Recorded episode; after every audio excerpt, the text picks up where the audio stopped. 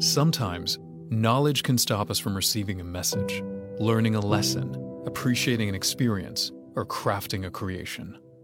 And here's what I mean stepping into the beginner's reality allows us to temporarily suspend our existing knowledge. By doing so before listening to someone, we are allowing ourselves the opportunity to receive their message. By suspending our expertise before learning from someone, we are giving ourselves the right to absorb their teachings.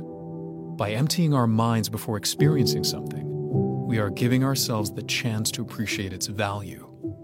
And by ignoring our experience before creating something, we are preventing what we already know from contaminating what we want to create.